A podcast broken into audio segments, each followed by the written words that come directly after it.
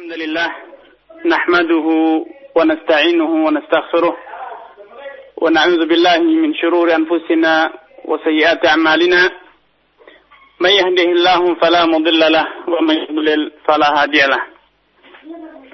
أشهد أن لا إله إلا الله وحده لا شريك له وأشهد أن محمدا عبده ورسوله. أما بعد Ikhwatul Islam, saudaraku seiman pendengar di mana pun Anda berada, Alhamdulillah, pada kesempatan sore yang berbahagia ini, kembali Allah Subhanahu wa Ta'ala mempertemukan kita melalui siaran udara ini. Semoga Allah Subhanahu wa Ta'ala senantiasa menjadikan setiap pertemuan kita pertemuan yang barakah, menambahkan ilmu, iman, serta amal yang bermanfaat bagi kita semua. Salawat serta salam tidak lupa untuk kita aturkan kepada Nabi kita Nabi Muhammad sallallahu alaihi wasallam kepada keluarganya dan juga sahabat-sahabatnya yang dengan setia mendampingi perjuangan dakwah Rasulullah sallallahu alaihi wasallam hingga akhirnya dinul Islam agama yang kita cintai ini agama yang kita imani ini dapat tersebar ke berbagai penjuru dunia. Saudaraku seiman dan seakidah di mana pun anda berada pendengar yang semoga senantiasa dirahmat Allah subhanahu wa ta'ala. Pada akhir pertemuan kita, kita telah sampai pada pembahasan tentang syurutus salah, syarat sahnya salat. Dan kala itu Syekh Samir Syekh Salim bin Sumair Al-Hadrami rahimahullah taala telah menyebutkan dalam kitabnya Safinatun Najah bahwa syarat sahnya salat ada delapan persyaratan. Kita telah sampai pada persyaratan yang kelima dan sekarang biidnillah dengan izin Allah Subhanahu wa taala kita akan melanjutkan dengan membaca keterangan beliau seputar persyaratan yang keenam. Pada persyaratan yang keenam ini, Syekh Salim Ibn Sumair Al-Hadrami rahimahullah ta'ala menyatakan wal ilmu bi fardiyatiha. Persyaratan yang keenam ialah Anda mengetahui, Anda mengenali dan memahami tentang bi fardiyatiha bahwasanya salat yang Anda jalankan adalah salat yang wajib. Salat yang Anda kerjakan adalah salat yang wajib. Dengan kata lain, Anda mengetahui, meyakini, memahami hukum dari salat Anda. Apakah salat yang Anda kerjakan sekarang adalah salat fardu atau salat sunnah? Dan di sini Syekh Salim seperti yang pernah saya sampaikan dalam kitabnya Safinatun Najah ini beliau hanya menyampaikan membahas tentang amalan-amalan yang wajib saja. Karenanya di sini saya mengatakan wal ilmu bi fardiyatiha yang merupakan syarat sahnya salat adalah Anda mengenali memahami bahwa salat yang Anda kerjakan adalah salat yang wajib. Saudaraku seiman pendengar di mana pun Anda berada, Syekh Salim di sini mengatakan wal ilmu bi fardiyatiha. Anda mengetahui bahwa salat yang Anda kerjakan adalah hukumnya wajib. Anda mengetahui dan bukan hanya sekedar mengetahui namun Anda juga harus meyakini bahwa salat yang Anda kerjakan ini merupakan salat yang wajib untuk Anda kerjakan atau bahkan merupakan rukun dari agama agama Islam Anda. Sebagaimana yang ditegaskan oleh Rasulullah SAW dalam hadis Abdullah bin Umar radhiyallahu taala anhuma Beliau mengatakan Bunyal Islamu ala khamsin. Islam itu ditegakkan di atas lima rukun. Dan di antara kelima rukun tersebut adalah as-salah. Yaitu salat. Karena dahulu Rasulullah sallallahu alaihi wasallam setelah mendakwahkan dinul Islam, mengajarkan tauhid, peribadatan kepada Allah, dan juga beriman bahwa dirinya adalah utusan Allah Subhanahu wa taala yang kemudian diwujudkan dalam syahadat la ilaha illallah Muhammad Rasulullah sallam beliau dahulu senantiasa menyuruh umatnya untuk menegakkan salat. Sebagaimana beliau juga memerintahkan kepada para sahabatnya yang berdakwah di jalan Allah agar mengajarkan kepada med'unya kepada objek dakwahnya setelah mereka menerima syahadat la ilaha illallah Muhammad Rasulullah SAW agar mereka meyakini dan menjalankan salat lima waktu. Saudaraku seiman dan seakidah. Pada suatu hari ada seorang Arabi yang datang kepada Rasulullah sallallahu alaihi wasallam dan bertanya kepadanya ya ya Rasulullah sungguhnya utusanmu telah mengaku telah mengajarkan kepada kami bahwa Allah Subhanahu wa taala telah mewajibkan atas engkau dan umatmu sholat lima waktu. Kemudian Arabi tersebut, orang Arab tersebut mengatakan, Allah amaraka bihada. Benarkah Allah subhanahu wa ta'ala telah memerintahkanmu dengan hal ini?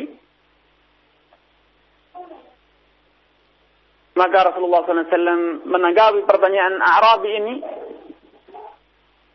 bersabda dan menjawab, betul, demikianlah perintah Allah Subhanahu wa taala.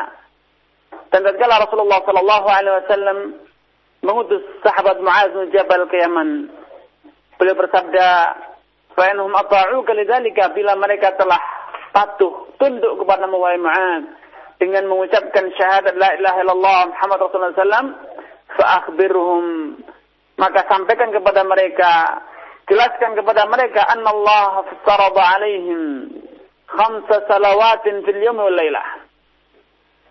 Sesungguhnya Allah Subhanahu wa taala sampaikan kepada mereka bahwa Allah Subhanahu wa taala telah mewajibkan atas mereka untuk mendirikan salat lima waktu.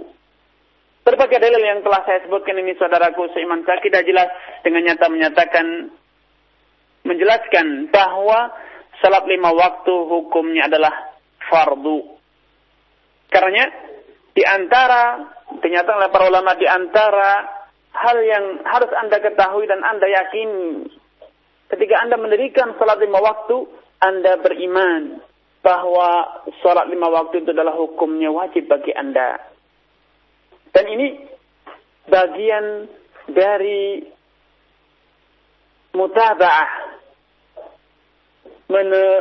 mematuhi, meneladani sunnah Rasulullah SAW, ajaran Rasulullah SAW dalam beribadah kepada Allah Subhanahu wa taala wa ma ataakumur rasulu fakhudhuh wa ma nahakum anhu fantahu.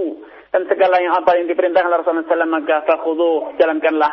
Dan segala yang dilarang maka tinggalkanlah. Dan di antara bentuk kepatuhan Anda kepada Rasulullah sallallahu alaihi wasallam ialah kepatuhan dalam ideologi itu Anda meyakini yang wajib adalah wajib dan yang sunnah adalah yang sunnah.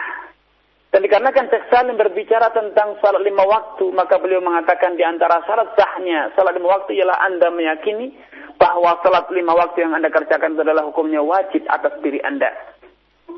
Karena saya pernah pada beberapa pertemuan yang telah lalu menukilkan penjelasan Al-Imamul Ghazali. Bagaimana beliau menegaskan bahwa orang yang meyakini bahwa salah satu salat misalnya, atau orang yang mengingkari kewajiban salat, beliau menegaskan Al-Imam Ghazali menyatakan bahwa orang yang mengingkari kewajiban tersebut adalah orang yang telah keluar dari dinul Islam. Orang yang telah keluar dari dinul Islam. Bahkan beliau mengatakan, kalaulah ada orang meyakini bahwa ada sekelompok orang yang dikarenakan ilmu, iman dan amalnya telah mencapai tahapan tertentu atau tingkatan tertentu sehingga ia halal, boleh untuk meninggalkan salat. Boleh untuk tidak mendirikan salat lima waktu. Ia cukup hanya berzikir saja, membaca tasbih saja atau tahlil saja. Maka kata Imam Ghazali rahmatullah dalam Ihya Ulumuddin, orang tersebut harus dihukumi dan hukumnya adalah dengan cara dibunuh. Bahkan beliau membunuh orang yang memiliki keyakinan semacam ini atau mengajarkan keyakinan semacam ini lebih utama dibanding membunuh 120 orang Yahudi yang mengobarkan permusuhan kepada Islam. Karena tidak diragukan bahwa meyakini bahwa salat lima waktu adalah wajib itu merupakan syarat sahnya salat. Karena para ulama telah mengatakan apalah artinya salat Anda kalau Anda meyakini bahwa salat Anda itu tidak wajib. Salat Anda itu adalah sunnah belaka. Karena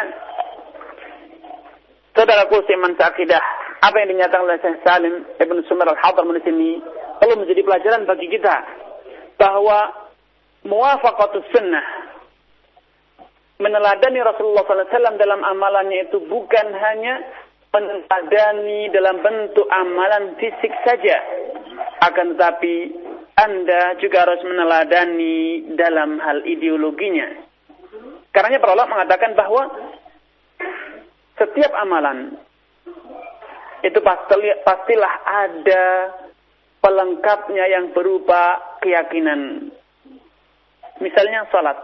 Salat lima waktu. Salat lima waktu adalah amaran fisik. Namun ternyata salat lima waktu juga dibarengi, diiringi oleh amalan batin yaitu Anda meyakini kewajiban wajib. Sebagaimana berzina misalnya na'udzubillah, a'adzanallahu wa iyyakum adalah amalan yang haram. Sehingga ketika Anda meninggalkan perbuatan zina, meninggalkan memakan babi, riba, meninggalkan dusta, maka Anda meninggalkannya dalam koridor dalam keyakinan bahwa amalan-amalan tersebut adalah amalan yang haram. Namun, apalah artinya bila Anda meninggalkan amalan tersebut namun hanya karena faktor kesempatan belaka yang menjadikan Anda meninggalkannya bukan karena Anda meyakini itu adalah haram, maka para ulama menjelaskan walaupun Anda tidak berzina, walaupun Anda tidak makan daging babi, walaupun Anda tidak mengadu domba, tidak memakan riba, namun Anda meyakini itu semuanya halal, maka Anda telah berbuat dosa. Karenanya, pada suatu hari Rasulullah SAW pernah mengatakan, Al-qatilu wal maktulu finnar. Orang yang membunuh orang muslim, Al-qatilu wal maktul finnar. Orang yang membunuh dan yang dibunuh. Itu semuanya akan diancam dengan siksa neraka. Maka spontan salah seorang sahabat bertanya, "Ya Rasulullah, kalau yang membunuh maka itu kami sudah memahami mengapa ia harus masuk neraka. Namun mengapa orang yang dibunuh pun juga masuk neraka?" Maka Rasulullah Shallallahu Alaihi Wasallam menjelaskan bahwa sejatinya menjadikan Al-qatil wal maktulu finnar yang membunuh dan yang dibunuh itu terancam neraka dikarenakan ia yal maktul orang yang dibunuh itu arada qatla sahibi telah memiliki rencana, telah memiliki keinginan, memiliki niat untuk membunuh lawannya. Cermatilah saudaraku seman takidah. Pada hadis ini orang yang terbunuh tadi ia telah dizalimi, ia telah menjadi korban, namun karena keyakinannya, karena niatnya, ia menjadi terjerumus ke dalam neraka, ia telah berencana. Walaupun bisa jadi orang tersebut masih meyakini bahwa pembunuh itu hukumnya haram, namun adanya rencana tersebut sudah cukup untuk menjeburkan dia ke dalam neraka. Bagaimana lagi halnya bila ternyata ia adalah orang yang menghalalkan pembunuhan tentu lebih layak untuk diancam masuk neraka. Na'udzubillah. Bahkan para ulama telah bersepakat bahwa orang yang meyakini perbuatan yang haram itu halal atau perbuatan yang wajib itu hukumnya mubah. Misalnya salat di bulan waktu itu hukumnya tidak wajib, itu hanya sekedar mubah saja. Maka para ulama mengatakan orang yang seperti ini adalah orang yang telah keluar dari dinul Islam dan mengingkari kewajiban salat kewajiban haji, rukun Islam yang lainnya, dan begitu juga amalan-amalan wajib yang lainnya. Atau meyakini halalnya perbuatan-perbuatan yang haram, itu merupakan salah satu mukaffirat, amal yang menyebabkan orang itu dihukumi sebagai orang yang kafir, keluar dari Islam. Itulah orang yang telah murtad. Karena saudaraku seiman takidah, salah satu syarat sahnya salat Anda ialah Anda meyakini bahwasanya amalan salat lima waktu Anda adalah hukumnya wajib. Anda menyadari itu sepenuhnya. Sebagaimana syarat sahnya amalan-amalan sunnah Anda. Bagaimana syarat sahnya amalan-amalan sunnah Anda, Anda meyakini amalan-amalan tersebut adalah amalan yang sunnah dan bukanlah wajib. Karenanya para ulama telah sepakat.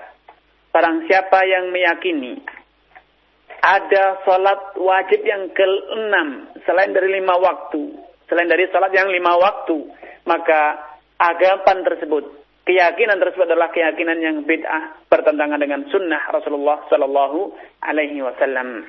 Karenanya pada suatu hari tatkala datang Arabi seperti yang tadi saya kisahkan bertanya kepada Rasulullah SAW tentang perihal salat waktu Kemudian dia berkata, Ya Rasulullah, apakah Allah telah merintahkanmu dengan hal ini? Dan setelah ia mendengarkan jawaban Rasulullah SAW bahwa benar Allah yang merintahkan, beliau mengatakan, Walladhi ba'ataka bilhaq, sungguh. Demi Allah subhanahu wa ta'ala yang telah mengutusmu membawa dinul Islam. La azidu ala hadha. Aku tidak akan melaksanakan atau tidak akan mengerjakan salat selain salat lima waktu itu. Sepeninggal orang ini, setelah orang ini pulang dari majelis Rasulullah beliau mengomentari tentang sikap orang ini yang hanya ingin menjalankan amalan-amalan wajib saja dan tidak mengurangi sedikit pun serta tidak menambah sedikit pun. Beliau mengatakan man sarrahu an yanzura ila rajul min ahli jannah falyandur ila hada. Barang siapa yang ingin melihat seorang yang dia itu termasuk penghuni surga, maka hendaknya ia melihat orang ini. Di dalam ayat lain Rasulullah mengatakan, aflaha in sadak. Sungguh, bila ia jujur seperti yang ia katakan, ia benar menjalankan lima waktu, salat lima waktu penuh utuh, tidak ada yang dikurangi dan tidak menambah sedikit pun, maka ia akan mendapatkan salah, mendapatkan keselamatan, mendapatkan surga. Jelaslah saudaraku seiman seakidah dari penjelasan di atas bahwa di antara hal yang perlu Anda keyakini, yang perlu Anda cermati ketika Anda beramal, ialah Anda menyesuaikan ideologi keyakinan yang ada dalam hati Anda dengan hukum amalan Anda. Karenanya Al-Imam Syatibi rahimallahu taala di dalam kitabnya Al-Muwafaqat menjelaskan panjang lebar bagaimana metodologi mengamalkan sunnah Rasulullah sallallahu alaihi wasallam. Padanya beliau menjelaskan bahwa di antara metodologi yang dicontohkan oleh Rasulullah sallallahu alaihi wasallam ketika beliau mengamalkan amalan yang wajib, beliau mengamalkannya tidak pernah meninggalkannya dan beliau juga meyakini amalan tersebut adalah amalan yang wajib. Dan sebaliknya, tatkala beliau mengamalkan amalan yang sunnah, beliau juga mengamalkannya dengan sering dan kadang-kadang beliau meninggalkannya. Kadang-kadang beliau meninggalkannya dan menjelaskan kepada sahabatnya, kepada umatnya bahwa amalan tersebut adalah amalan yang sunnah kadang-kadang beliau meninggalkan dan juga demi menjaga keutuhan, keselarasan ideologi yang ada dalam hati bahwa amalan yang ia tinggalkan itu adalah amalan sunnah. Karenanya dahulu Aisyah berkata, "Karena Rasulullah SAW yasum hatta nakulu la yuftir." Dahulu Rasulullah SAW bila telah berpuasa, beliau itu puasa seakan tidak akan pernah berbuka. Beliau puasa sunnah, Sampai-sampai keluarganya mengira bahwa beliau tidak akan pernah berhenti dari berpuasa. Wa kana yuftir. Dan beliau bila sudah berhenti dari puasa atau meninggalkan puasa, beliau meninggalkan puasa dalam waktu yang cukup lama sampai-sampai kami keluarganya hatta nazun annahu la yasum sampai kita mengira puasa beliau tidak akan pernah berpuasa sunnah lagi namun ternyata beliau kembali puasa sunnah karena tatkala ada sebagian sahabat yang ingin meningkatkan amalannya namun salah persepsi salah salah cara sehingga ketiga sahabat tersebut tidak mensejajarkan, tidak mensel, tidak menselaraskan antara amalan lahir dengan amalan batinnya. Maka Rasulullah SAW mengingkari perilaku ketiga sahabat tersebut. Aisyah mengisahkan bahwa ada tiga orang yang datang ke rumah Rasulullah SAW dan bertanya tentang bagaimana metodologi dan seberapa banyak amalan Rasulullah SAW. Maka saat kala ketika sahabat tersebut di antaranya adalah sahabat Ali bin Abi Thalib dijelaskan tentang amalan Rasulullah SAW, amalia Rasulullah SAW sehari-hari, mereka bertiga merasa amalan Rasulullah SAW tersebut tidaklah terlalu banyak atau dengan kata lain kurang banyak. Namun kembali mereka sadar bahwa hal itu wajar dilakukan Rasulullah SAW. Karena apa? Menurut mereka Rasulullah SAW mendapatkan jaminan untuk masuk surga dan diampuni dosa-dosanya. Karena mereka berbalik dan berkata, kalau demikian kita harus meningkatkan amalan. Karena salah seorang dari mereka mengatakan, ama ana, adapun aku, untuk meningkatkan amalan, maka aku akan berpuasa terus-menerus dan tidak akan berhenti dari puasa. Dan yang lain mengatakan kalau aku maka aku akan salat malam dan tidak akan pernah berhenti dari salat malam. Dan yang ketiga dan mengatakan kalaupun aku, adapun aku maka a'tazilun nisa fala atazawwaju abada. Aku akan meninggalkan kaum wanita dan tidak akan pernah menikah selama-lamanya. Maka tatkala Rasulullah SAW mendengar laporan tentang ikrar ketika sahabat ini beliau segera menegur ketika orang tersebut dan mengatakan antum ladzi kuntum kada wa kada kaliankah yang telah berikrar demikian dan demikian Allah sungguh demi Allah innil akhsyakum lillahi wa atqakum lah sungguh demi Allah aku adalah orang yang paling khasyah paling memiliki rasa takut dan memiliki takwa kepada Allah Subhanahu wa taala dibanding kalian akan tetapi metodologiku dalam beramal asumu aftir. Aku berpuasa sunnah dan juga kadangkala berhenti dari berpuasa uftir. Wa warkut. Aku juga salat malam dan juga aku berhenti dari salat malam itu dengan cara tidur. Wa atazawwajun nisa dan aku juga tetap menikahi wanita. Semuanya itu tidaklah menjadikan aku turun derajatku, tidaklah menjadikan aku kehilangan satu sebagai orang yang paling bertakwa, orang yang paling khasyah, takut kepada Allah Subhanahu wa taala. Karena Rasulullah SAW mengakhiri petuahnya dengan bersabda, "Faman raghiba an sunnati falaysa minni." Barang, barang siapa yang tidak suka dengan metodologi ini, metodologiku ini dalam beramal, falaysa minni, maka dia tidaklah termasuk dari golonganku. Karena saudaraku saya mentakidah Marilah kita belajar menyandingkan, menselaraskan antara amalan dengan ideologi yang ada dalam hati. Ketika Anda mengamalkan amalan sunnah, maka yakinilah itu adalah amalan sunnah. Sehingga Anda tidak mencela orang yang tidak mengamalkan sunnah, namun Anda mengkirkannya. Anda menyerunya, Anda mengajaknya untuk mengamalkan yang sunnah, namun bila ada saudara Anda yang tidak mengamalkan, tidak perlu Anda hardik, tidak sepantasnya Anda caci, tidak sepantasnya Anda musuhi, atau Anda klaim bahwa orang tersebut adalah orang yang benci terhadap sunnah. Tidak. Sebaliknya, bila Anda mengetahui atau mengamalkan amalan yang wajib, maka amalkanlah amalan tersebut dan jangan pernah tinggalkan.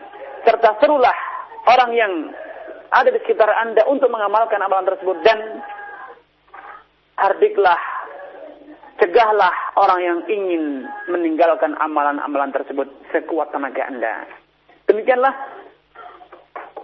keselarasan, demikianlah muwafaqah atau mutaba'ah dalam beramal yang wajib Anda lakukan sebagai kewajiban, Anda perlakukan sebagai amalan yang wajib, dan yang sunnah Anda perlakukan sebagai amalan yang sunnah. Ini yang dimaksud dari penjelasan Syekh Salim Ibn Sumair Al-Hadar taala melalui pernyataannya wal ilmu fi fardiyatiha. Tatkala Anda menjalankan salat lima waktu, Anda meyakini sebagai amalan yang wajib. Tidak boleh Anda meyakini sebagai amalan yang boleh Anda tinggalkan. Selanjutnya Syekh Salim melanjutkan pada persyaratan yang ketujuh wa alla ya'taqida fardan wa alla yu'taqada fardan min furudiha sunnatan aw alla ya'taqida fardan min furudiha sunnatan yang syarat yang ketujuh Anda tidak meyakini salah satu rukun dari rukun salat Anda sebagai amalan yang sunnah. Misalnya, takbiratul ihram itu adalah amalan yang wajib merupakan rukun dari salat Anda. Membaca Fatihah itu adalah rukun dari salat Anda. Sujud ruku itu adalah amalan atau rukun dari salat Anda. Karena rukun-rukun salat ini harus Anda yakini itu sebagai amalan yang wajib Anda kerjakan. Anda tidak boleh tidak boleh merubah hukumnya walaupun hanya sebatas ideologi. Anda harus memahami batas minimal salat uh, batas minimal salat Anda. Apa saja yang harus Anda kerjakan dan apa saja yang boleh Anda tinggal Anda tinggalkan atau amalan-amalan yang sunnah. Karenanya tatkala seorang Arabi yang kemudian dijuluki sebagai al-musi salatahu, orang yang tidak mampu salat dengan sempurna. Ketika suatu hari Rasulullah SAW sedang duduk-duduk bersama sahabatnya di masjid, tiba-tiba datang salah seorang sahabat yang ia sholat dua rakaat namun sholatnya tidak sempurna. Maka setelah ia datang ke masjid Rasulullah SAW dan mengucapkan salam, Rasulullah SAW menjawab dan mengatakan, Irji' fasalli fa'inna kalam tusalli. Kembalilah dan ulanglah salatmu sejatinya engkau ini belum salat. Maka sahabat tersebut kembali mengulang salatnya kedua, dan ketiga. Tiga kejadian ini terulang selama tiga kali.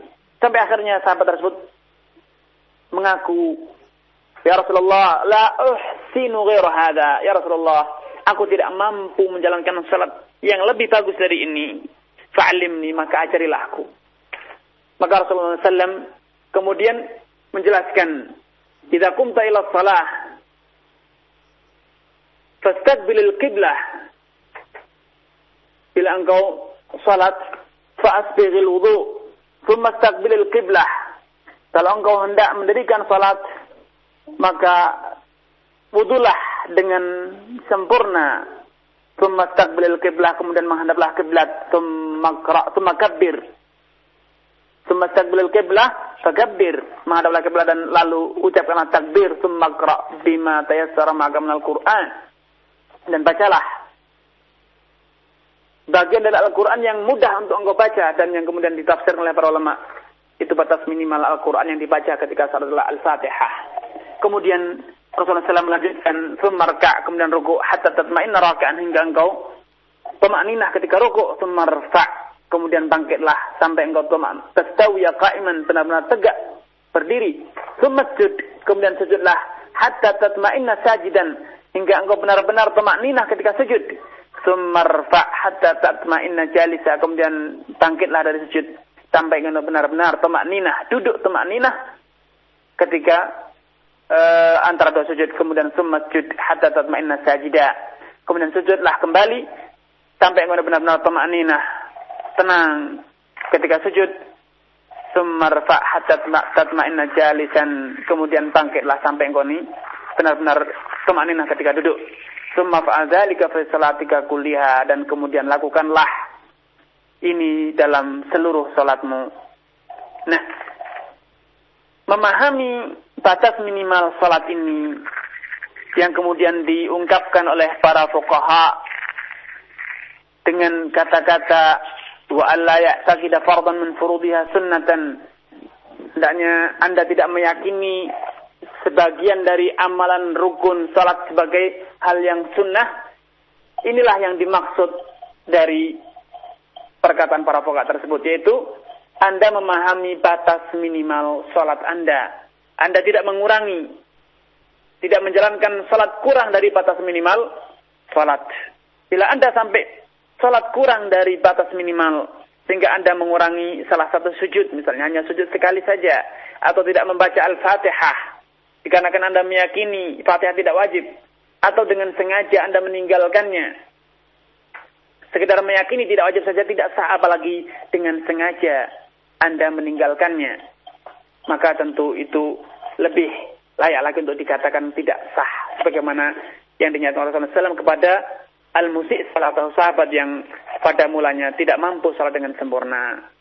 Karenanya, saudara musliman sakidah, inilah salah satu manfaat, salah satu faedah yang dapat Anda petik dari talabul ilm, dari menuntut ilmu, yaitu dengan ilmu Anda dapat menjalankan ibadah Anda, dapat beribadah kepada Allah Subhanahu wa taala dengan benar, dapat menjalankan kewajiban-kewajiban agama Anda dengan benar sehingga amalan Anda sah di dunia dan kemudian diterima Allah Subhanahu wa taala serta mendapatkan pahala kelak di akhirat.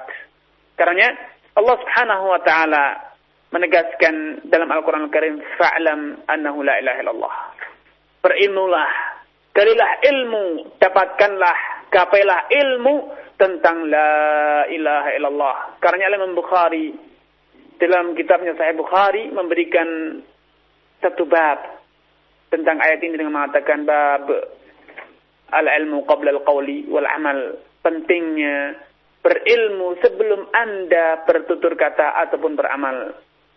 Karena dengan memiliki ilmu dengan ilmu Anda dapat menjalankan ibadah dengan sempurna, dengan sah, memenuhi rukun syarat dan sunnah-sunnahnya sehingga amalan Anda benar-benar amalan yang sesuai dengan amalan Rasulullah Sallallahu Alaihi Wasallam.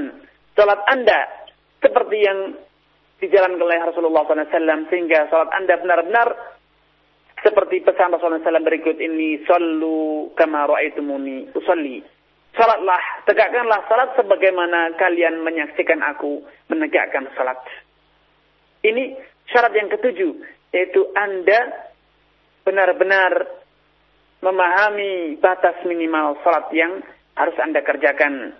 Mana rukunnya dan mana wajibatnya. Sehingga yang rukun Anda yakini sebagai rukun, yang wajib Anda yakini sebagai wajib. Dan tidak dibolak-balik tuturan uh, urutan salat Anda. Dengan demikian, dari penjelasan syarat ke-6 dan ke-7 ini, semakin menambah semangat kita, semakin meyakinkan menguatkan tekad, menguatkan tekad Anda untuk terus melangkahkan kaki, untuk terus menyingsingkan lengan baju, menggali dan mempelajari dinullah, mempelajari agama Allah Subhanahu wa taala sehingga benar-benar amalan yang Anda kerjakan adalah amalan yang sesuai dengan sunnah Rasulullah SAW dan bukan hanya kebetulan sesuai. Anda tahu, Anda yakin dan Anda benar-benar menyadari amalan Anda selaras dengan sunnah Rasulullah SAW dan bukan hanya kebetulan selaras.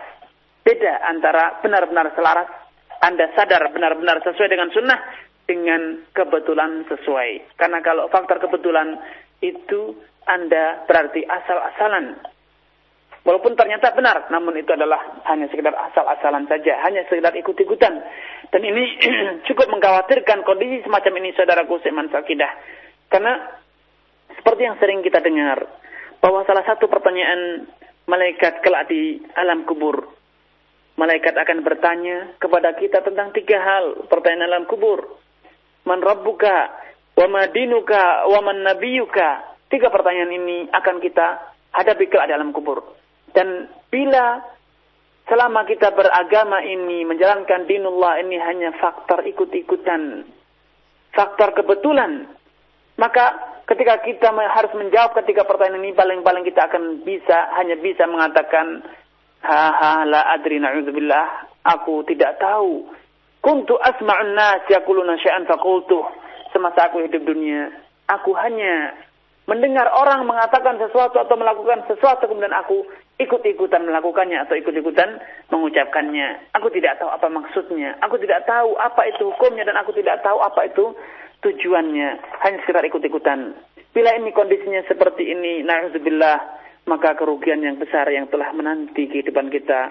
Sehingga seperti kata dalam riwayat tersebut dinyatakan bahwasanya malaikat akan menghardik kita na'udzubillah kalau di hari kiamat la daraita wa la talait engkau benar-benar tidak tahu dan juga tidak pernah mempelajarinya, tidak pernah membacanya, maka malaikat pun akan menjadi murka dan akan memukulkan na'udzubillah palu kodamnya kepada kita na'udzubillah kalau dari kiamat.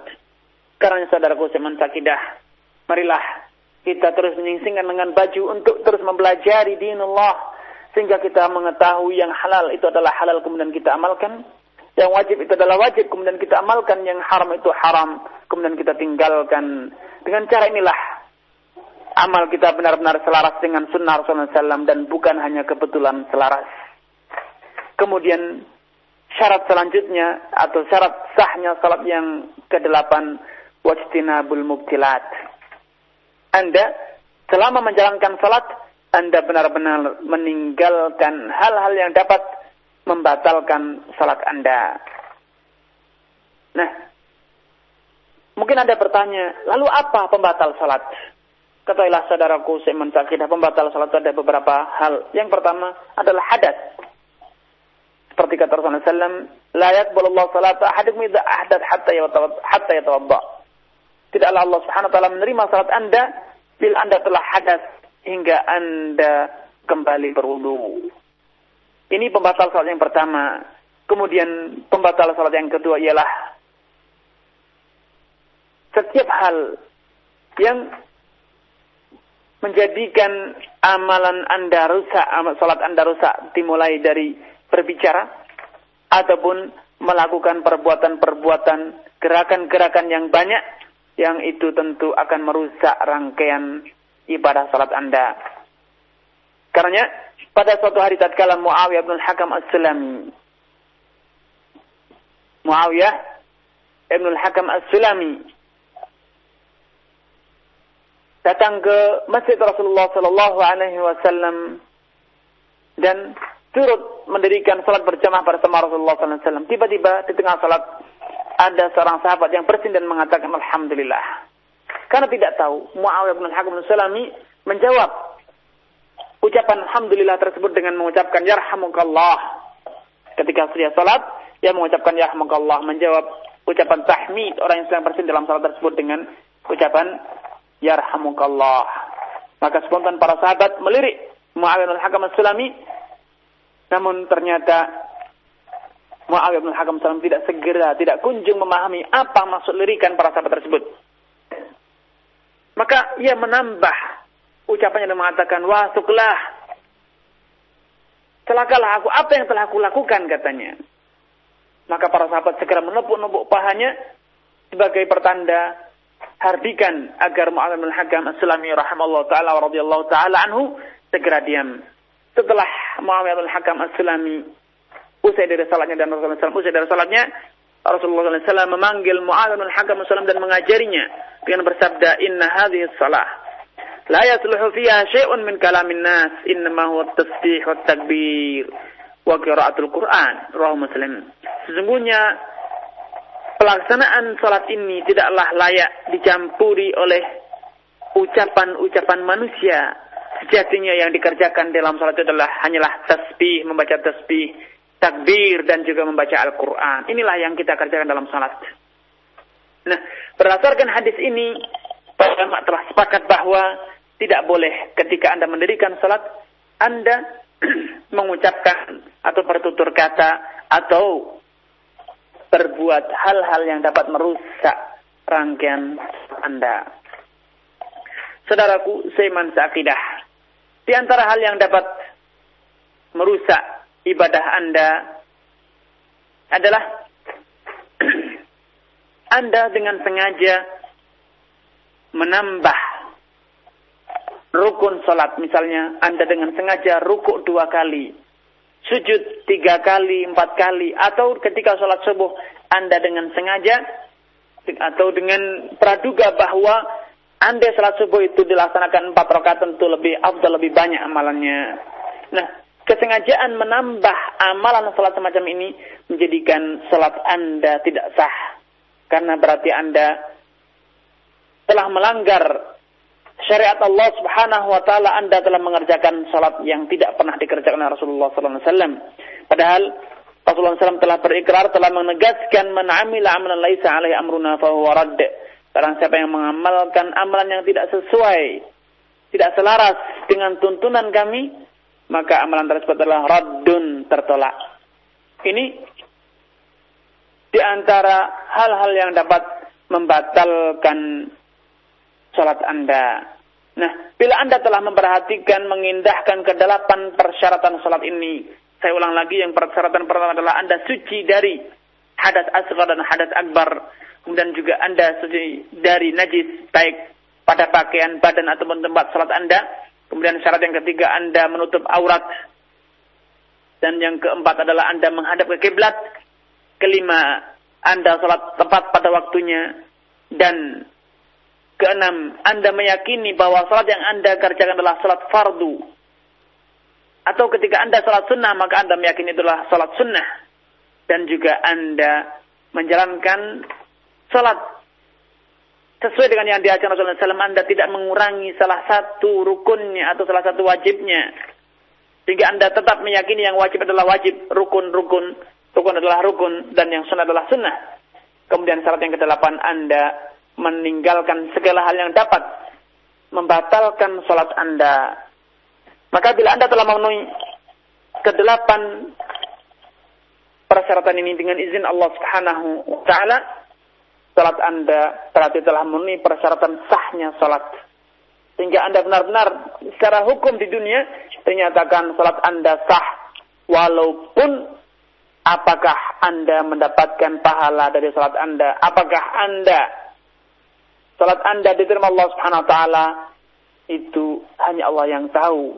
Karena untuk mendapatkan kepastian bahwa salat Anda adalah salat yang diterima sehingga Anda mendapatkan pahala masih ada tambahan persyaratan selanjutnya itu Anda ketika menjalankan salat benar-benar ikhlas lillahi taala. Anda benar-benar ikhlas ketika mendirikan salatnya bukan karena ria, bukan karena sum'ah ingin dilihat orang atau karena ujub hobi disanjung oh Orang ini ketika sholatnya begitu khusyuk, begitu sempurna, begitu meng mengagumkan. Tidak. Semuanya benar-benar karena lillah. Dan seperti Anda ketahui, persyaratan ini hanya Allah lah yang tahu. Hanya Allah yang memahami apakah Anda ikhlas atau tidak. Karena di sini Syekh Salim Ibn Sumar Al-Hadrami tidak menyebutkan persyaratan ikhlas karena itu adalah persyaratan yang berkaitan dengan syarat kabul, syarat diterimanya salat. Beliau hanya membicarakan tentang syarat sahnya salat, yaitu ada delapan. Namun diterima atau tidak, maka sepenuhnya itu adalah wewenang Allah Subhanahu wa taala. Hanya Allah yang tahu. Kita tidak bisa memahaminya, kita tidak bisa mengertinya. Itu adalah hukum akhirat kelak di hadapan Allah Subhanahu wa taala. Karena beberapa pertemuan yang terlalu saya telah menekankan pada Anda betapa pentingnya kita memahami perbedaan antara syarat sah dan syarat diterimanya amalan.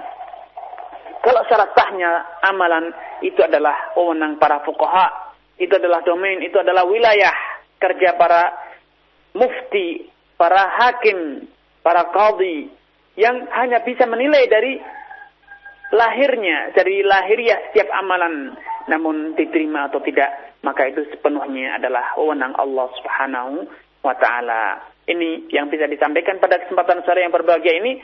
Semoga Allah Subhanahu wa taala senantiasa menjadikan kita termasuk orang yang al-qawla fayattabi'una ahsanah, senantiasa menjadikan kita orang-orang yang bertambah ilmu, iman dan amalnya sehingga kita dapat menggapai mardatillah hingga akhir masa. Wallahu taala a'lam. Terima kasih untuk Ustaz Jazakallah Khairan atas materi dan pembahasan yang telah disampaikan dari kitab Safinatun Najah karya Syekh Salim bin Sumer Al-Hadrami Asy-Syafi'i rahimahullah berkaitan dengan eh, syarat-syarat uh, dari uh, sahnya salat. Semoga bermanfaat apa yang beliau sampaikan dan ikhwatal Islam rahimakumullah di mana pun Anda berada.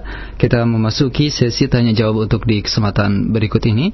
Anda bisa bertanya kepada kami via telepon 0218236543 atau melalui pesan singkat di 0819896543. Dan untuk yang pertama kita angkat pertanyaan yang datang dari pesan singkat Ustaz dari Pak Nana di Pondok Gede yang menyampaikan pertanyaannya. Ya Ustaz berkaitan dengan membaca surat Al-Fatihah bagi makmum ya Ustaz pada solat yang dijaharkan. Bagaimanakah hukumnya? Apakah uh, termasuk di antara syarat dari sahnya salat kita ataukah bagaimana Ustaz? Mohon penjelasannya jazakallahu khairan.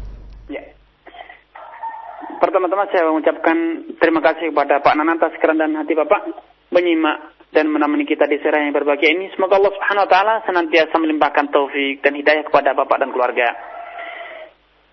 Tidak diragukan bahwa bacaan Fatihah merupakan salah satu rukun dari ibadah salat kita. Rasulullah SAW telah bersabda la salat liman lam yaqra bi Fatihatul Kitab. Tidak sah salat orang yang tidak membaca Al-Fatihah. Dan para ulama telah sepakat bahwa qiraatul Fatihah atau saya saya tidak berani mengatakan sepakat, saya lebih baik mengatakan uh, jumhur ulama di antaranya para penganut mazhab Maliki, Syafi'i dan Hambali. Mereka telah berfatwa bahwa Kiraatul Fatihah, bacaan Fatihah itu merupakan rukun salat baik salat fardu ataupun salat sunnah. Namun kemudian mereka berselisih pendapat apakah status rukun Fatihah sebagai atau status Fatihah sebagai rukun salat itu berlaku pada semua salat? Mereka berselisih pendapat. Ulama-ulama yang dalam hal ini tergabung dalam mazhab Syafi'i secara khusus dan juga sebagian penganut mazhab Hambali serta yang lainnya mengatakan bahwa Fatihah itu merupakan syarat atau merupakan rukun salat baik salat jahriyah seorang diri ataupun jahriyah bersama imam. Baik imam ataupun makmum semuanya harus membaca Fatihah berdasarkan keumuman hadis la salat liman lam yaqra bi Fatihatil Kitab. Tidak sah salat orang yang tidak membaca Fatihatul Kitab. Namun sebagian ulama berpendapat bahwa hadis ini hanya berlaku pada sholat-sholat jahriyah yang dilakukan oleh seorang diri atau oleh imam. Adapun makmum, maka ia tidak lagi berkewajiban untuk membaca Fatihah karena bacaan imam itu sudah mewakili bacaannya. Karena Rasulullah SAW dalam sebuah hadis mengatakan, "Man lau imam fa qira'atuhu lahu qira'ah." Barang siapa yang salat berada di belakang imam, maka bacaan imam itu cukup sebagai bacaan bagi dirinya. Nah, dikarenakan ada dua hadis atau beberapa hadis yang terkesan kontroversial ini seakan bertentangan, maka para ulama pun berbeda pendapat. Nah, untuk membahas permasalahan ini adalah permasalahan besar yang diperselisihkan sepanjang masalah para ulama dari dahulu hingga saat ini. Para ulama terus berselisih pendapat, tidak pernah berhasil mencapai kata sepakat dalam hal ini. Karenanya dalam mensikapi permasalahan-permasalahan yang seperti ini yang diperselisihkan oleh para ulama, Al-Imam Suyuti telah menggariskan satu kaidah atau telah menjelaskan satu kaidah yang sangat indah. Beliau mengatakan yustahabul khuruj min al-khilaf. Bi fi'li makhtalifa fi wujubi wa tarki makhtalifa fi tahrimi. Disarankan kita itu bersikap waspada hati-hati yaitu dengan cara apa? berusaha membebaskan diri dari perselisihan para ulama. Dengan cara apa? Kita melakukan amalan yang diperselisihkan tentang kewajibannya dan meninggalkan setiap amalan yang diperselisihkan akan keharamannya. Dan bila kita tinjau, kita terapkan kaidah ini pada permasalahan kita, maka kita akan dapatkan bahwa membaca Fatihah itu adalah cara yang paling selamat. Amalan yang paling selamat karena semua ulama sepakat bahwa membaca Fatihah itu adalah sah. Orang yang salat fardu berjamaah di belakang imam dengan membaca Fatihah itu sah hukumnya. Namun orang yang tidak membaca Fatihah karena menganggap bacaan imam itu sudah cukup, maka salatnya itu hanya sah menurut sebagian ulama. namun menurut sebagian lainnya tidak sah. Kenapa? Ia belum membaca Fatihah. Nah, sebagai orang awam, masyarakat umum yang belum memiliki ilmu cukup untuk dapat membandingkan pendapat para ulama, saya sarankan untuk menerapkan kaidah ini yaitu lebih baik Anda membaca sehingga itu akan lebih mendatangkan ketenangan dalam ibadah Anda. Lain kali bila Anda telah memiliki ilmu dan mampu membandingkan dalil-dalil para ulama, maka silahkan Anda mengamalkan ilmu yang Anda miliki sehingga Anda walaupun mengamalkan pendapat yang kedua, Anda tetap tenang dan tidak terombang-ambingkan oleh fatwa. Wallahu taala a'lam. Terima kasih atas jawaban yang Ustaz sampaikan. Kemudian kita angkat masih dari pesan singkat yang uh, sudah masuk dan begitu banyak pertanyaan yang diajukan dan uh, berkaitan dengan uh, masalah klasik ya ini ya Ustaz berkaitan dengan penentuan awal dan akhir Ramadan yang hingga saat ini masih mengemuka dan menjadi bahan uh, perbincangan di antara kaum muslimin bagaimanakah ya Ustaz uh, ahlu sunnah menyikapi tentang adanya permasalahan perbedaan matla uh, di antara setiap negeri yang sehingga menjadikan di antara kaum muslimin di negara-negara muslim berbeda dalam penentuan awal dan uh, akhir Ramadan dan demikian pula terjadi perbedaan di di antara mereka untuk menentukan salat Idul Fitrinya. Di antara mereka juga bahkan secara uh, terang-terangan menyebutkan bahwa mereka yang berpuasa di hari uh, Selasa seperti yang kemarin terjadi adalah haram hukumnya. Dan bagaimanakah uh, sikap yang benar dalam menyikapi permasalahan ini? Jazakallah khairan ya Ustaz. Ya. Terima kasih atas uh, partisipasi saudara guru sekalian dengan mengajukan pertanyaan ini. Semoga Allah Subhanahu wa taala senantiasa menambahkan taufik hidayah kepada Anda semuanya Semoga Allah Subhanahu wa taala senantiasa menyatukan umat Islam di atas siratal mustaqim dan menyatukan tekad serta bulat umat Islam di bawah hidayah sunnah Rasulullah sallallahu alaihi wasallam. Saudaraku seiman seakidah, dalam beberapa kesempatan saya telah mengisyaratkan akan hal ini dan pernah saya membahas masalah ini secara spesial bahwa hukum-hukum Islam terlebih amalan yang wajib dilakukan oleh banyak orang, misalnya sholat, puasa, haji, biasanya dikaitkan dengan hal-hal yang dapat dideteksi, dapat diketahui, dikenali oleh setiap orang dengan mudah. Misalnya sholat lima waktu dikaitkan dengan pergerakan matahari, terbit, terbenam, dan tergelincir matahari. Haji misalnya dikaitkan dengan terbit dan terbenamnya bulan. Demikian juga puasa puasa dikaitkan dengan terbit dan terbenamnya bulan. Zakat dikaitkan dengan terbit dan terbenamnya bulan yaitu haul satu tahun kena hitungan satu tahun. Begitu juga nisab hitungannya jelas dikaitkan dengan hal-hal yang mudah dipahami dan ringan dipahami. Karena berkaitan dengan puasa Rasulullah SAW telah menjelaskan sumu liru'yatihi berpuasalah ketika engkau melihat hilal wa aftiru liru'yatihi dan berhentilah berpuasa ketika engkau telah melihat hilal pula yaitu hilal Syawal. Fa in ghumma alaikum faqduru lahu kalau bulan itu terhalangi oleh ghaib, oleh awan, faqduru lahu maka genapkanlah hitungan bulan. Dalam ayat dengan lebih jelas Rasulullah SAW menyebutkan maksud dari kata-kata faqduru lahu genapkanlah hitungan itu. Beliau mengatakan fa'akmilul iddat iddat Sya'ban salasin. Genapkanlah hitungan bulan Sya'ban itu menjadi 30 hari. Sehingga adanya tambahan riwayat fa'akmilul iddat iddat Sya'ban, hitunglah genapkanlah hitungan Sya'ban menjadi 30 hari ini menepis anggapan pemahaman sebagian orang yang mengatakan bahwasanya hadis Abdullah bin Umar yang mengatakan takdirulahu itu adalah dalil yang membenarkan praktek-praktek hisab. Ini mengingatkan kita kepada penjelasan para ulama bahwa untuk dapat memahami Al-Quran, memahami hadis Rasulullah SAW, hendaknya kita tidak membacanya secara parsial, namun secara uh, kolektif. Semua di, dalil yang berkaitan dengan masalah dikumpulkan dan difahami secara bersamaan, difahami secara uh, dalam satu waktu yang bersamaan, tidak difahami satu demi satu. Karena kalau kita akan memahami satu ayat demi satu ayat, satu ayat secara terpisah, satu hadis secara terpisah dan tidak disatukan dengan hadis-hadis yang lain atau yang lain, niscaya kita akan terjerumus dalam kecelakaan. Bagikan orang yang membaca firman Allah Subhanahu wa taala, "Fawailul musallin" dan berhenti sampai di situ saja. Celakalah orang yang mendirikan salat. Kalau kita memahami ayat ini sampai di sini saja, niscaya kita akan celaka.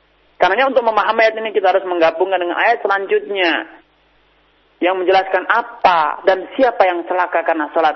Yaitu fawailul musallin alladzina hum uh, fawailul musallin uh, jelas pada ayat selanjutnya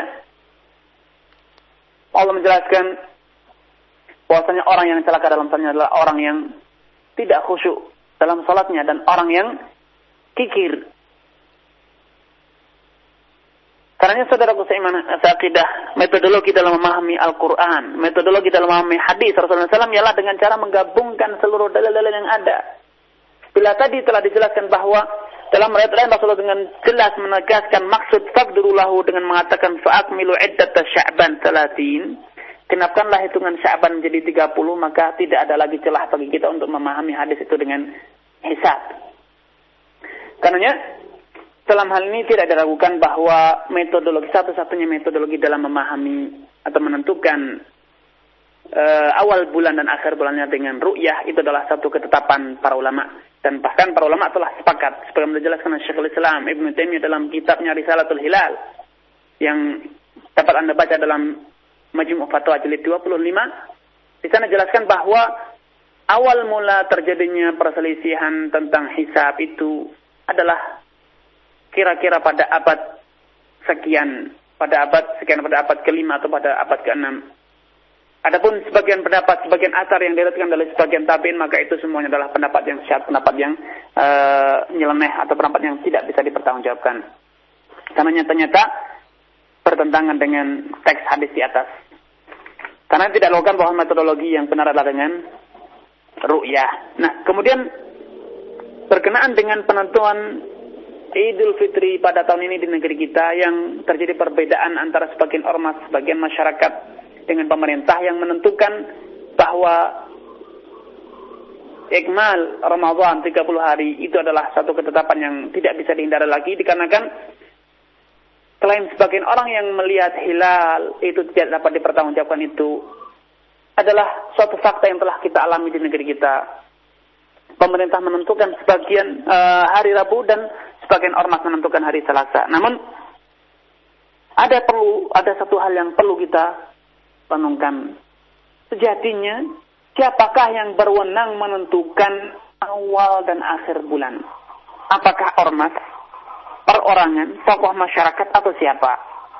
Kalau kita simak berbagai dalil yang ada, kita akan dapatkan bagaimana dahulu Rasulullah Shallallahu Alaihi Wasallam yang notabene berperan sebagai seorang pemimpin seorang rasul dan sekaligus sebagai pemimpin umat.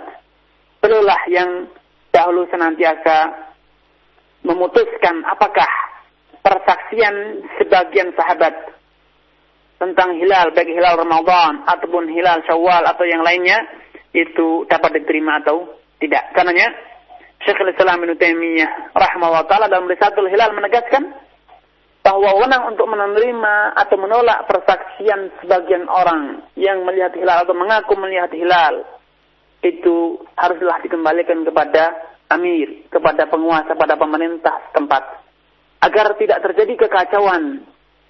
Karena kalau permasalahan Isbatul Hilal menerima persaksian telah melihat hilal atau menolaknya itu dikembalikan kepada ormas, maka ormas itu ada banyak tokoh masyarakat pun ada beribu-ribu tokoh. Dan kalau itu sampai terjadi, maka akan rentan terjadi permusuhan, persengketaan, dan standar penerimaan itu tidak akan pernah taku. Tidak akan pernah taku karena masing-masing orang memiliki pemahaman, memiliki pendapat yang berbeda-beda. Karena dalam hal ini, Alusunnah wal Jamaah mengatakan bahwa penentuan hilal itu adalah salah satu wilayah kekuasaan walau tugas dari pemerintah yang ada. Mungkin ada yang berkata, lalu bagaimana kalau ternyata pemerintahnya zalim? Pemerintahnya bodoh.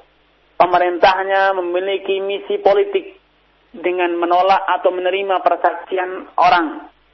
Menolak persaksian orang yang bisa dipercaya atau menerima persaksian orang yang tidak bisa dipercaya. Saudaraku Seman Sakidah, ini adalah tanggung jawab pemerintah. Sebagai rakyat, sebagai rakyat, tugasnya adalah menjalankan apa yang telah menjadi keputusan pemerintah dalam hal ini yang telah mendapatkan tugas menerima atau menolak.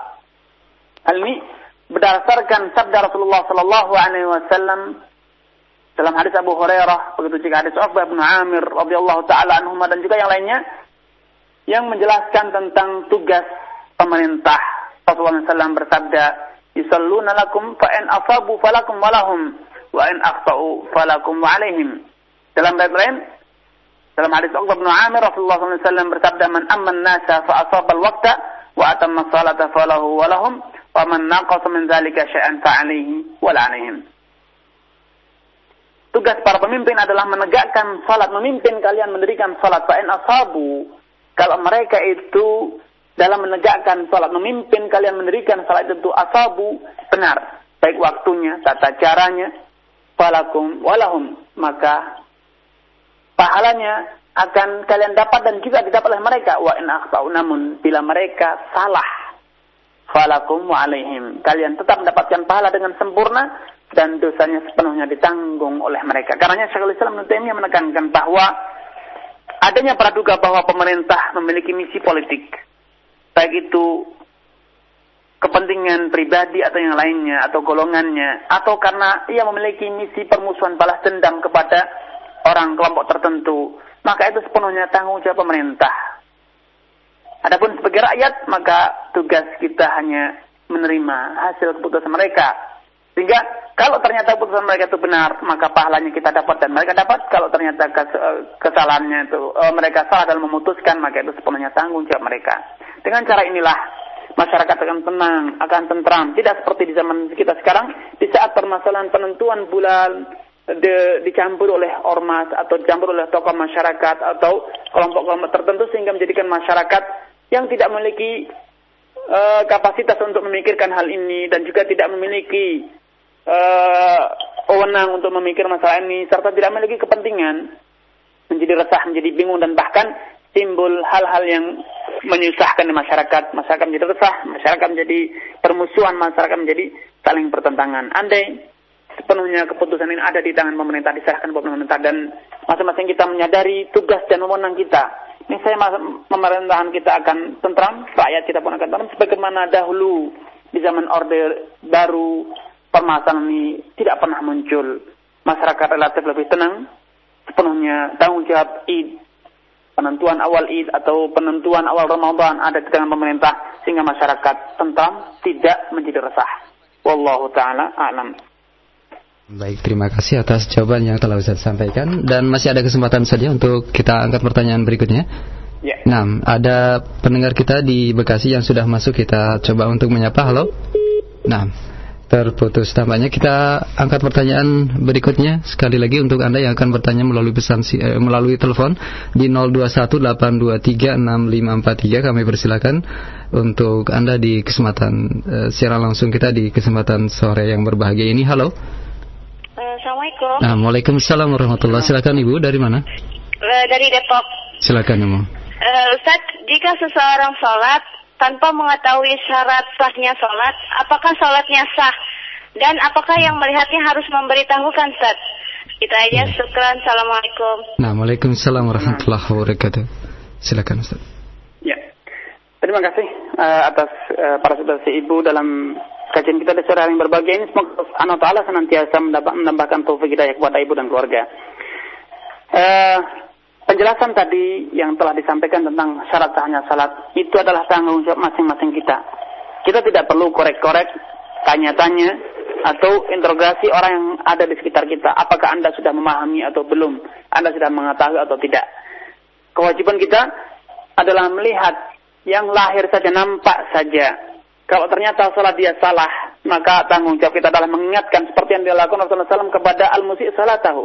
Sahabat yang tidak mampu salat dengan benar kalau kita ternyata melihat ada orang yang salatnya tidak benar, ia tidak membaca takbiratul ihram, ya tidak ruku atau sujudnya hanya sekali saja, maka perlulah kita bertindak, perlulah kita mengingatkan, perlulah kita menegur. Namun kalau ternyata secara lahir orang yang salat depan kita itu salat seperti yang kita ketahui, salatnya benar secara lahir maka cukup. Tidak perlu kita bertanya atau menginterogasi atau mengetes atau menguji mengujinya mencari tahu. Karena ini adalah tanggung jawab masing-masing dari muslim. Setiap muslim yang menyadari tentang wajib salat, ia seharusnya idealnya itu telah memahami tentang tata cara salat yang benar. Akan tapi kalau kita mengetahui ada saudara kita yang ia tidak memahaminya, maka itu adalah tanggung jawab kita untuk mengajarinya, untuk mengingatkannya, untuk menyadarkannya tentang tata cara salat yang benar, batas minimal salat apa saja dan apa saja yang harus dilakukan dan apa saja yang boleh ditinggalkan. Karena saudara kusiman sakidah tidak perlu kita korek-korek, namun kalau kita melihat ada yang salah perlulah kita bersikap itu dengan mengegur, mengajari dan mengingatkannya. Wallahu taala alam. Nah, baik terima kasih atas jawabannya dan berikut dari penelpon yang kedua ada Bapak Hidayat di Bekasi. Silakan Pak Hidayat. Assalamualaikum Ustaz. Waalaikumsalam warahmatullahi wabarakatuh. Ini Ustaz mau nanya, mau minta kita ada apa namanya mengikuti pemerintah. Cuma yang kemarin itu realitanya begitu kami mengikuti pemerintah, terus ternyata itu kan hari itu kan harinya pada malam kedua itu melihat bulan itu sudah menunjukkan tanggal 3 Ustaz. Gimana itu? Ya. Hmm, ya. Baik, itu saja Pak Hidayat. Nah. Ya, nah, terima kasih atas pertanyaannya. Silakan bagaimana Ustaz? Ya. Bismillahirrahmanirrahim. Terima kasih kepada Bapak Hidayat atas partisipasi, partisipasi Bapak di sore yang berbagai ini. Semoga Allah Subhanahu wa taala senantiasa menambahkan hidayah kepada Bapak Hidayat dan keluarganya uh, yang menjadi pedoman apakah hilal itu adalah hilal awal bulan atau tidak itu adalah ru'yah. Adalah nampaknya hilal bukan wujudul hilal. Bukan adanya hilal. Karena hilal itu ada sepanjang tahun. Ada sepanjang tahun, bulan itu ada sepanjang tahun. Yang menjadi pedoman hukum adalah ru'yah. Karenanya tadi dalam hadis Rasulullah mengatakan, "Fa'in ghumma 'alaikum kalau ternyata hilal itu terhalang oleh awan sehingga tidak nampak oleh kalian, faqduru lahu. Dalam riwayat fa'akmilu iddat Sya'ban 30. Kenapkanlah hitungan Sya'ban menjadi 30 hari. Dengan jelas di sini Rasulullah SAW standarnya hanya satu yaitu ru'yah. Sumu li ru'yatihi wa aftiru li ru'yati. Berpuasalah karena ketika Anda melihat dan berhentilah berpuasa ketika Anda melihatnya. Sehingga apa yang Bapak khawatirkan tadi bahwasanya ternyata hari esoknya bulannya tinggi itu tidak menjadi permasalahan. Selama hilal tidak nampak ketika hari ru'yah tanggal uh, apa namanya tanggal 30 malam tanggal 30 Ramadan misalnya tidak nampak maka kita harus mengikmal menyempurnakan hitungan Ramadan menjadi 30 walaupun sejatinya sebetulnya hilal sudah ada namun terhalang oleh awan. Sehingga tidak diragukan bahwasanya esok hari bulan akan nampak tinggi. Itu tidak menjadi masalah. Karena yang menjadi pedoman hukum adalah ru'yah dan bukan wujud. Bukan ada atau tidak adanya hilal. Yang menjadi permasalahan adalah apakah Anda sudah melihat atau tidak. Dan ini merupakan kemurahan Allah Subhanahu wa taala, kemudahan agama Islam di mana Islam itu dikaitkan atau hukum Islam dikaitkan dengan hal yang bisa kita deteksi secara kasat mata, secara fisik, bukan secara uh, apa namanya hal-hal yang tidak nampak oleh indera kita. Karena dengan jelas tadi Rasulullah SAW menyebutkan fa'in gumma kalau hilal itu terhalang oleh awan sehingga sejatinya dapat dipahami dengan jelas sebetulnya hilal itu sudah ada sudah terbit namun terhalang oleh awan sehingga tidak masalah hukum itu uh, tetap dikaitkan dengan ru'yah walaupun cara hitungan kebiasaan kalau hilal sudah sampai ketinggian sekian derajat itu biasanya bulan kedua, hari kedua, ketiga itu tidak masalah. Karena selama ru'yah belum bisa dicapai, maka kita tetap wajib berpuasa Ramadan sehingga mengenapkan hitungan Ramadan menjadi 30 hari walaupun sejatinya kalau di tertusuk dengan misalnya dengan teropong atau dengan macam-macam, sejatinya hilal itu sudah ada di belakang awan. Namun hilal itu tidak memiliki korelasi hukum dalam dalam fikih, dalam Islam, karena apa hilal tersebut belum nampak oleh mata manusia. Karenanya, andai umat Islam ini benar-benar memahami dinullah, memahami kemudahan dinullah sehingga tidak menjadi susah seperti sekarang umat harus mencari teropong padahal Islam itu begitu mudah Mengapa umat harus mencari teropong, membeli teropong dengan harga yang mahal? Toh hukum Islam itu mudah. Kalau tidak nampak ya selesai permasalahan. Berarti kita puasa lagi. Kalau ternyata sudah terbit ternyata terang awan, tidak masalah. Walaupun andai kita datangkan teropong bisa kelihatan, tidak perlu kita mengandai-andai. Alangkah indahnya kalau dana yang digunakan untuk membeli teropong itu dibelanjakan untuk fakir miskin mengentaskan kemiskinan. Allah Subhanahu wa taala tidak mewajibkan kita membeli teropong, namun mengapa kita harus membeli teropong? Sehingga mudah sekali, simpel sekali hukum Islam itu tidak sulit seperti yang sekarang dipersulit oleh beberapa tokoh kita, pemuka agama kita yang harus menggunakan teropong, dengan hisab, dengan ini, dengan itu yang juga menjadikan dalam Islam ini e, mubazir dalam banyak hal. Dana yang besar-besaran kita sewa ilmuwan, kita semua sewa pakar, pusat-pusat observasi kita dirikan dengan teropong yang mahal. Tentu itu kan merepotkan kita sendiri. Padahal Allah sudah memberikan keringan. Kalau terhalang awan ya sudah, tidak usah puasa. Namun kita memaksakan diri tidak ya Allah. Seakan-akan kita berkata demikian. Saya harus puasa ketika hilal sudah uh, di atas ufuk. Walaupun terhalang oleh awan. Subhanallah. Seakan kita menolak kemurahan Allah. Keringanan Allah subhanahu wa ta'ala. Wallahu ta'ala alam. Nah, baik terima kasih. Dan uh, kita angkat satu pertanyaan terakhir saja untuk di sore ini. Di kesempatan berikut ada Pak Komarudin masih dari telepon di Bekasi. Silakan Pak. Assalamualaikum warahmatullahi wabarakatuh. Waalaikumsalam warahmatullahi wabarakatuh. Uh, Afan Ustaz, uh, pembahasan keluar dari jalur itu tentang ya. tentang jakat Ustaz. Uh, ya. Tentang jakat bangunan yang kosong Ustaz. Itu apakah ada jakatnya atau tidak Ustaz? Terus tentang uh, apa uh, emas yang kita pakai juga apakah itu kena jakat atau tidak Ustaz? Ya. Assalamualaikum warahmatullahi wabarakatuh. Waalaikumsalam warahmatullahi wabarakatuh. Silakan Ustaz. ya. Terima kasih kepada Bapak Kamarudin atas partisipasi Bapak di sore yang berbahagia ini. Semoga Allah Subhanahu wa taala senantiasa menambahkan ilmu serta amal kepada Bapak dan keluarga. Yang pertama, zakat bangunan. Kalau bangunan adalah barang dagangan karena memang Bapak adalah seorang pengusaha properti, jual beli bangunan ataupun tanah, maka jumhur ulama kebanyakan ulama mewajibkan zakat perdagangan. Maka tidak diragukan berdasarkan pendapat ini Bapak harus menzakati eh, perdagangan bapak tersebut yang dihitung dari nilai jual perdagangan Anda dikalikan dengan dua setengah persen dan hasilnya itulah yang dizakat itu adalah zakat bapak yang harus bapak keluarkan.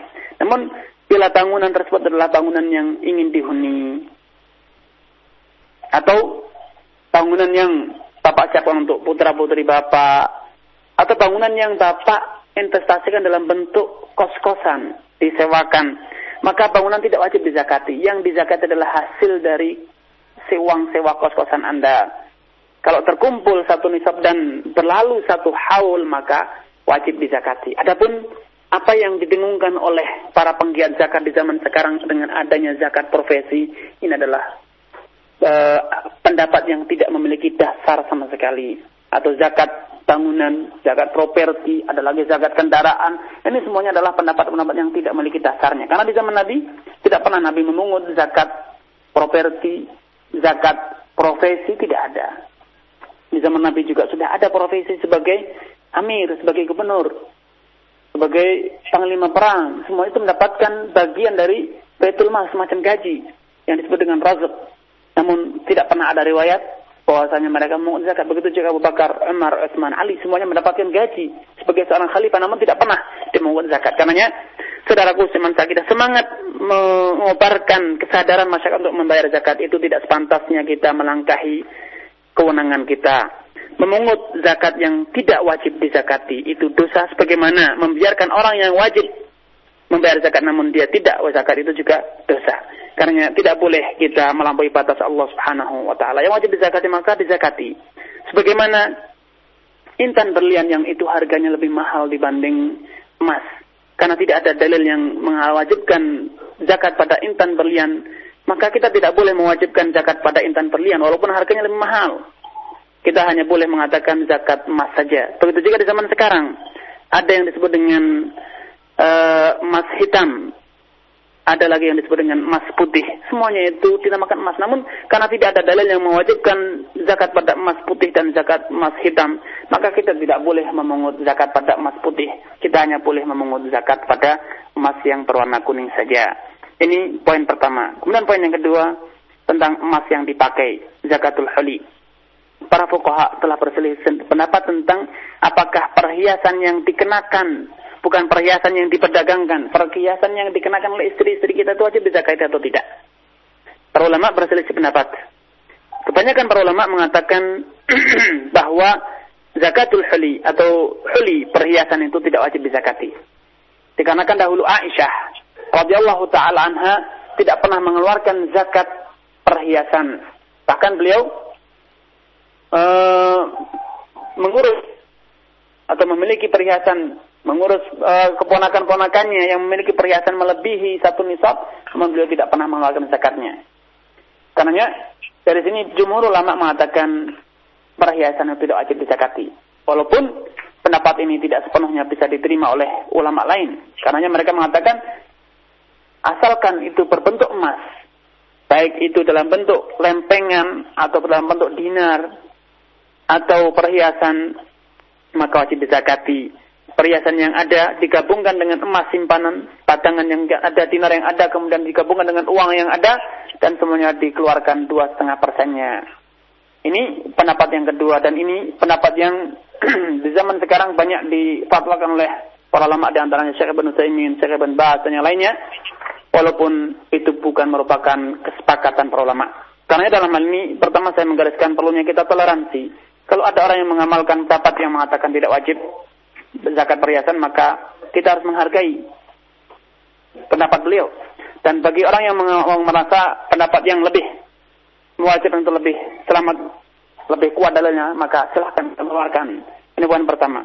Kemudian poin yang kedua, seperti yang kaidah disebutkan di atas, yang digaris oleh Al-Imam Suyuti rahmatullah pentingnya kita keluar dari khilaf para ulama. Dengan demikian, kalau kita ingin keluar dari perselisihan para ulama dalam permasalahan ini, maka kita mengeluarkan zakat huli, zakat perhiasan itu adalah cara yang lebih selamat. Sehingga kalaupun yang rajih itu adalah pendapat yang mewajibkan, maka berarti kita telah menyelaksanakannya. Dan kalaupun yang rajih adalah yang tidak mewajibkan, maka kita juga telah mendapatkan pahala karena telah bersedekah. Dengan demikian kita selamat dari e, menurut kedua pendapat tersebut sehingga kita tidak terombang-ambingkan oleh fatwa para ulama wallahu taala alam Pertanyaan Pak Komarudin tadi menutup perjumpaan kita untuk di sore ini. Saya Jazakallah heran dan satu kesimpulan akhir untuk menutup perjumpaan kita. Silakan. Baik. Saudaraku Seman Sakidah. Tadi Syekh Salim telah kita baca keterangannya tentang syarat sahnya salat yang ada delapan persyaratan. Nah, ada satu poin yang ingin saya kembali tekankan pada penutup perjumpaan kita di sore yang berbahagia ini adanya keterangan bahwa poin-poin di atas merupakan syarat sahnya salat, kemudian poin lainnya lagi merupakan syarat diterimanya amalan salat kita, dan poin lagi merupakan rukun salat atau yang lainnya. Ini penting kita ketahui, kita pahami. Kapan kita merasakan pentingnya ilmu ini adalah di saat terjadi uh, kekeliruan, terjadi kekeliruan. Adapun di saat kita mampu menjalankan sholat dengan sempurna, syarat, rukun, wajibnya, dan sunnahnya, maka kita tidak akan merasakan pentingnya, tidak akan begitu merasakan pentingnya memahami hukum-hukum syarat sahnya, syarat uh, diterimanya, syarat rukunnya, wajibnya ini tidak akan terasa. Walaupun sejatinya kalau kita pikirkan dengan matang-matang, tentu orang yang memahami itu lebih afdol. Tentu pahalanya akan lebih sempurna dibanding orang yang tidak memahami. Akan di mengetahui ini merupakan syarat sahnya salat ini, syarat diterimanya salat ini, merupakan rukun salat itu, benar-benar akan kita rasakan di saat kita melakukan suatu pelanggaran. Sehingga kalau pelanggaran tersebut terjadi pada syarat sahnya, berarti salat kita tidak sah. Kalau pelanggaran terjadi pada rukun salat, berarti salat kita belum selesai, belum sah.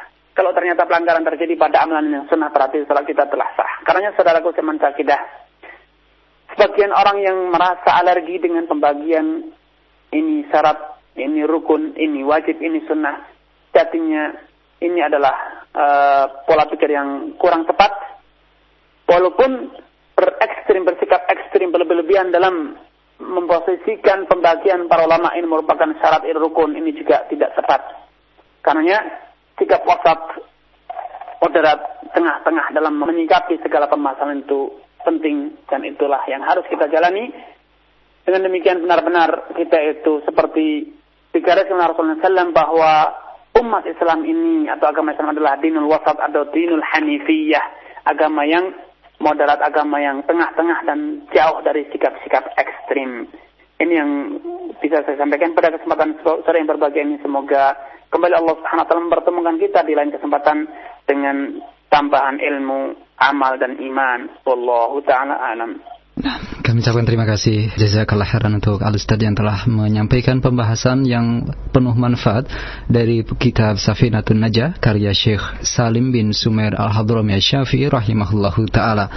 Semoga Allah Subhanahu wa taala memberkahi ilmu yang telah Ustaz sampaikan dan menjaga Ustaz beserta keluarga. Semoga Allah Subhanahu wa taala memberikan kesempatan bagi kita untuk bertemu kembali bersama beliau di kesempatan yang akan datang. Saudaraku seiman, kami ucapkan terima kasih yang sebesar-besarnya pula untuk Anda yang telah menyimak dan mengikuti acara yang penuh manfaat di sore hari ini disampaikan oleh Al Ustaz Dr. Muhammad Arifin Badri Hafirullah yang disampaikan oleh beliau setiap Sabtu sore kitab Safinatun Najah karya Syekh Salim bin Sumer Al-Hadrami Syafi'i rahimahullah. Mohon maaf untuk Anda yang telah menyampaikan pertanyaan yang begitu banyak melalui pesan singkat atau Anda yang berupaya menghubungi kami via telepon yang tidak bisa kami ajukan pertanyaannya di kesempatan hari ini. Kami undur diri, mohon maaf atas segala kekurangan. Wassalamualaikum warahmatullahi wabarakatuh.